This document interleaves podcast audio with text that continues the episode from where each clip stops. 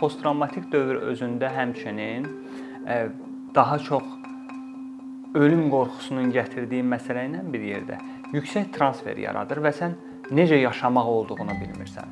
Bir var insan ölüm qorxusu ilə yaşasın. Bu klassik üsuldur da, qorxunun ən klassik yanaşmalarından biri. Bir də var sən yaşamağın tərzini bilmirsən. Sən uyğunlaşa bilmirsən.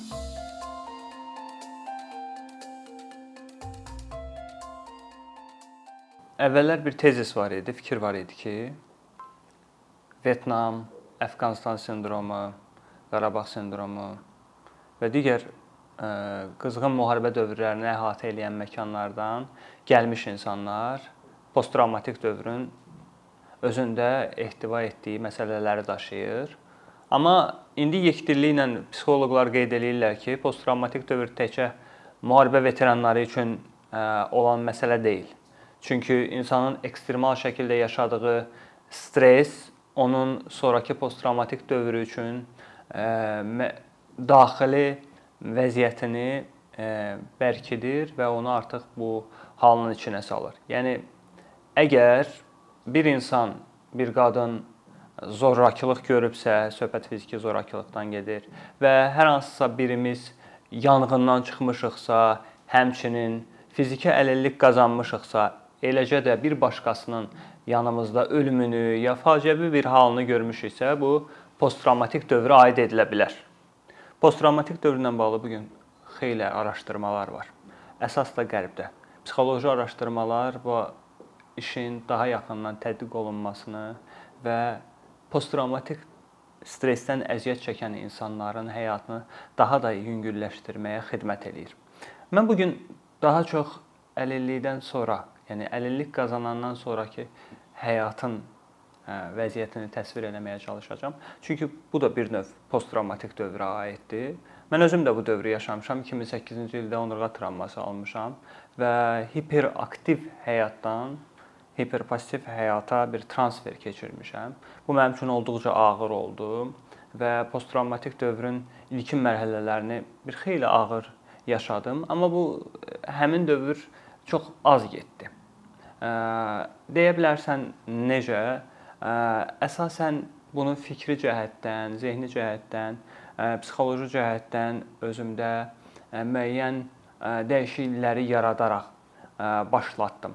Çünki insan bir şeyi qəbul eləyəndə şuurdakı stress aradan qalxmağa başlayır. Əgər biz bir şeyi tez reallığı qəbul eləyiriksə, o bizim üçün daha çox reallığa çevrilir. Çünki yaşadığımız ümumiyyətlə həyat 10% aktlardan ibarətdir. 90% bizim onlara verdiyimiz reaksiyalardan asılıdır.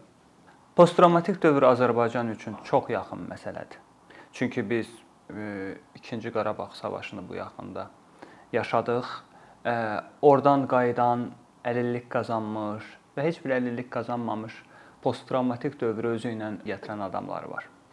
Bu adamların çoxu bu gün hətta evdən çıxmaya bilər Bu adamların çoxu bu gün yaşam nədir uyğunlaşmaya bilər. Çünki posttravmatik dövr özündə həmçinin e, daha çox ölüm qorxusunun gətirdiyi məsələ ilə bir yerdə yüksək transfer yaradır və sən necə yaşamaq olduğunu bilmirsən. Bir var insan ölüm qorxusu ilə yaşasın. Bu klassik üsuldur da, qorxunun ən klassik yanaşmalarından biri. Bir də var sən yaşamağın tərzini bilmirsən. Sən uyğunlaşa bilmirsən. Və e, müharibədən qayıdan insanlar, qazilər, veteranlar hamısı hamısı yox, bir çoxları bu məsələni çox olduqca ağır keçirdir. Onların bir çoxu intruziya, teatral formada gün ərzində həmin şeyləri görə bilərlər. Bu həmçinin müharibədən qayıdan qayıdan dövrün 1-ci ayı hətta olmaya bilər, 2-ci ayda olmaya bilər və birdən başlaya bilər. Məsələn, hər hansı bir yerdə yüksək bir fişəng yata bilərlər, partlayış ola bilər və flashback effekti başlayır. Bu adamlar artıq girir onun içinə. Həmin insanların ünsiyyət problemi yaranır, şəxsi münasibətləri yaxşı olmur, özlərinə qapalılar. Çünki yaşamaq necə lazımdır artıq bilmirlər. Onlar bir dövrü yaşayırlar və o dövr onları o qədər əhatə eləyir ki, həmin vəziyyətdən çıxmağın yollarını tapa bilmirlər. 2006-cı ildə Amerikada bir araşdırma aparmışdılar. Bu tədqiqat posttravmatik dövrü yaşayan veteranlar arasında keçirilmişdi. Və orada hardasa 600-dən çox adam iştirak eləmişdi. Bu təqribi rəqəmdir. O qədər olmaya da bilər. Mən yanlışlıq eləyə bilərəm rəqəmdə. Amma əsas motivdir. E, posttravmatik dövrdən həmin veteranlar daha çox necə çıxdı? O insanlara psixoloqlar həyatlarında olan ən yaxşı hazırda əllərində olan maddi, mənəvi bütün hər şeylərə görə təşəkkür eləməklə bağlı bir eksperimentin hissəsinə çevirdilər. Necə? Bu gün sənin yaxşı fiziki görünüşün var, gözəl gözlərin var, ailən var, qardaşın var, başının üzərində tavan var. Bütün bu fərqi yoxdur da. Nə varsa onlara görə səhər tezdən dururdular. Həmin veteranlar və təşəkkür yazırdılar. Mən buna görə təşəkkür edirəm ki, mənim çox sağlam bədənim var. Mən təşəkkür edirəm ki, mən yaxşı görürəm. Fərqi yoxdur. Nəyə borclu hiss edirlərsə özlərini, borclu deyəndə daha çox əllərində nə varsa, buna görə təşəkkür edirlər. Və bir müddətdən sonra həmin veteranların həyata marağı daha da artmağa başlayıb. Ona görə e, posttravmatik dövrün ən yaxşı üsullarından biri özünə qarşı, əlində olan şeylərə qarşı təşəkkürlə yanaşmaq ola bilər. Bu bir ə, yanaşmadır. Amma ümumiyyətlə bunu çox ağır yaşayan insanlar da var və bu özü özlüyündə həll olunan məsələ deyil. Mütləq posttravmatik dövrü yaşayan insan psixoterapevtə, psixoloqa müraciət etməlidir. Hardasa 2 ilin göstəricisidir, statistikasıdır. Azərbaycanda 650 mindən çox əlilliyi olan adam var. Bu yarım milyondan çox adam deməkdir. 10 milyon əhali üçün böyük bir göstəricidir. Və ümumiyyətlə Dövlət Yol Polisinin keçən dəfə bir statistikasına baxdım. Cari ilin 10 ayı ərzində avtoqəzalar nəticəsində 500-dən çox adam yaralanıb, 300-dən çox adam öldüyü bildirilirdi. Bu böyük bir göstəricidir. Bu əslində dəhşətdir. Və həmçinin həmin avtoqəzalardan yaralanan adamların çoxu əlillik qazanır. Həmçinin Azərbaycanda bu yaxında 2-ci Qarabağ savaşı yaşandı. Vətən müharibəsindən gələn insanların çoxunun əlilliyi var, bir çoxunun əlilliyi var və bu adamlar həmin posttravmatik dövrü yaşayırlar. Və bu posttravmatik dövrün ən yaxşı dəstək üsulu psixoloqlardır. Bilirəm ki, Türkiyədən və ölkədə də bəzi insanlar var ki, psixoloji dəstəyin e, hökumət özü yaradıb, amma düşünürəm ki, bu bəs eləmir. Çünki e, məsələ təkcə Qarabağ savaşında əlillik qazanmış insanlarda deyil.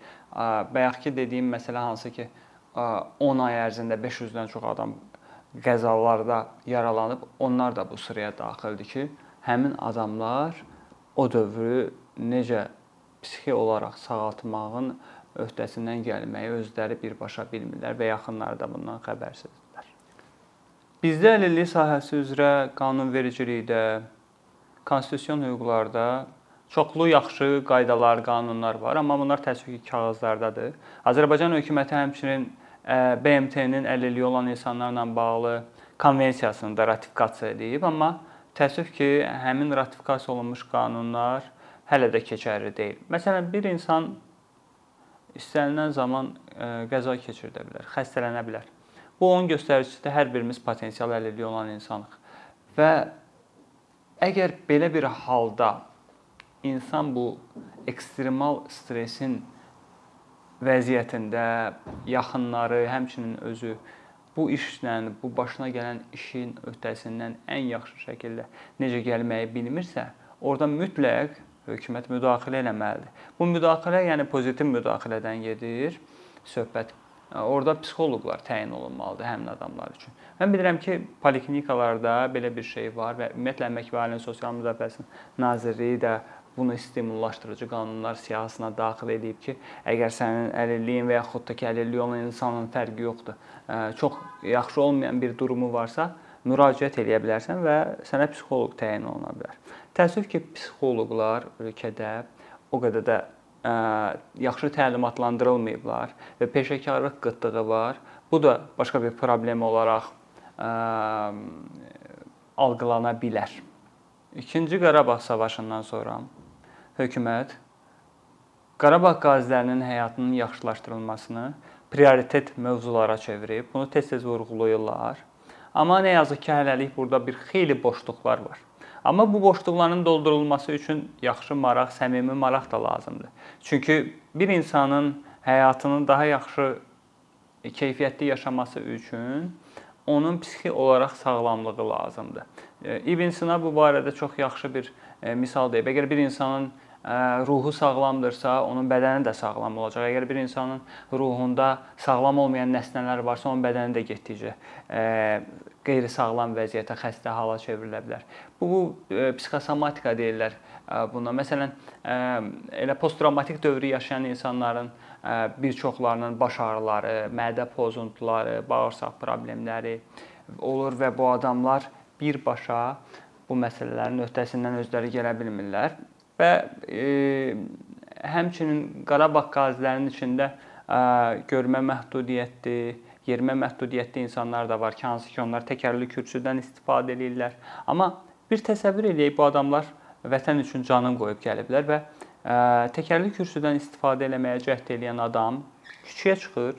Ümumiyyətlə birinci küçəyə çıxmaq üçün əgər o Sovet dövrü inşa olunan bir binada yaşayıbsa, o mütləq köməkdən istifadə edir. Ardınca gəlir böyük bir bardurlarla qarşılaşır şəhər bir növ bizim üçün təkərli kürsüdən istifadə edən insanlar üçün adi iki pilləkəni görürsə, bu artıq onun üçün Everest zirvəsi deməkdir və o heç bir halda bunun öhdəsindən gələ bilmir. Əgər kimsə kömək eləməyə cəhd eləmirsə. Düzdür, bizim insanlarımız olduqca mərhəmətlidirlər. Tez gəlib kömək eləməyə cəhd eləyirlər. Hətta kömək istəməsən belə səni qaldıra bilərlər. Belə bir şeylər də olur.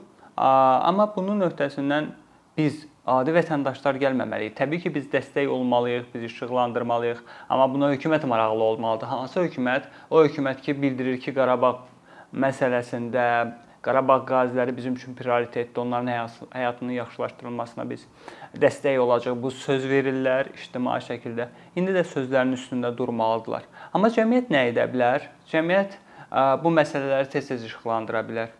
Və düşünürəm ki, psixoloqlar öz dəstəyini sərgiləyə bilərlər, müxtəlif assosiasiyalar yarana bilər və bu işin öhdəsindən ümumi şəkildə həm dövlət, həm xalq olaraq gəlmək olar. Əslində elə də böyük bir çətin bir şey yoxdur burada.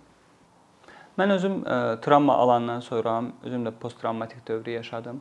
Amma bir xeyli ə, fiziki və psixi reabilitasiyalardan keçdim. Ə, özüm ə, müxtəlif konsultasiyalarda iştirak elədim fərdi və qrup halında e, psixoloji konsultasiyalardan keçdim.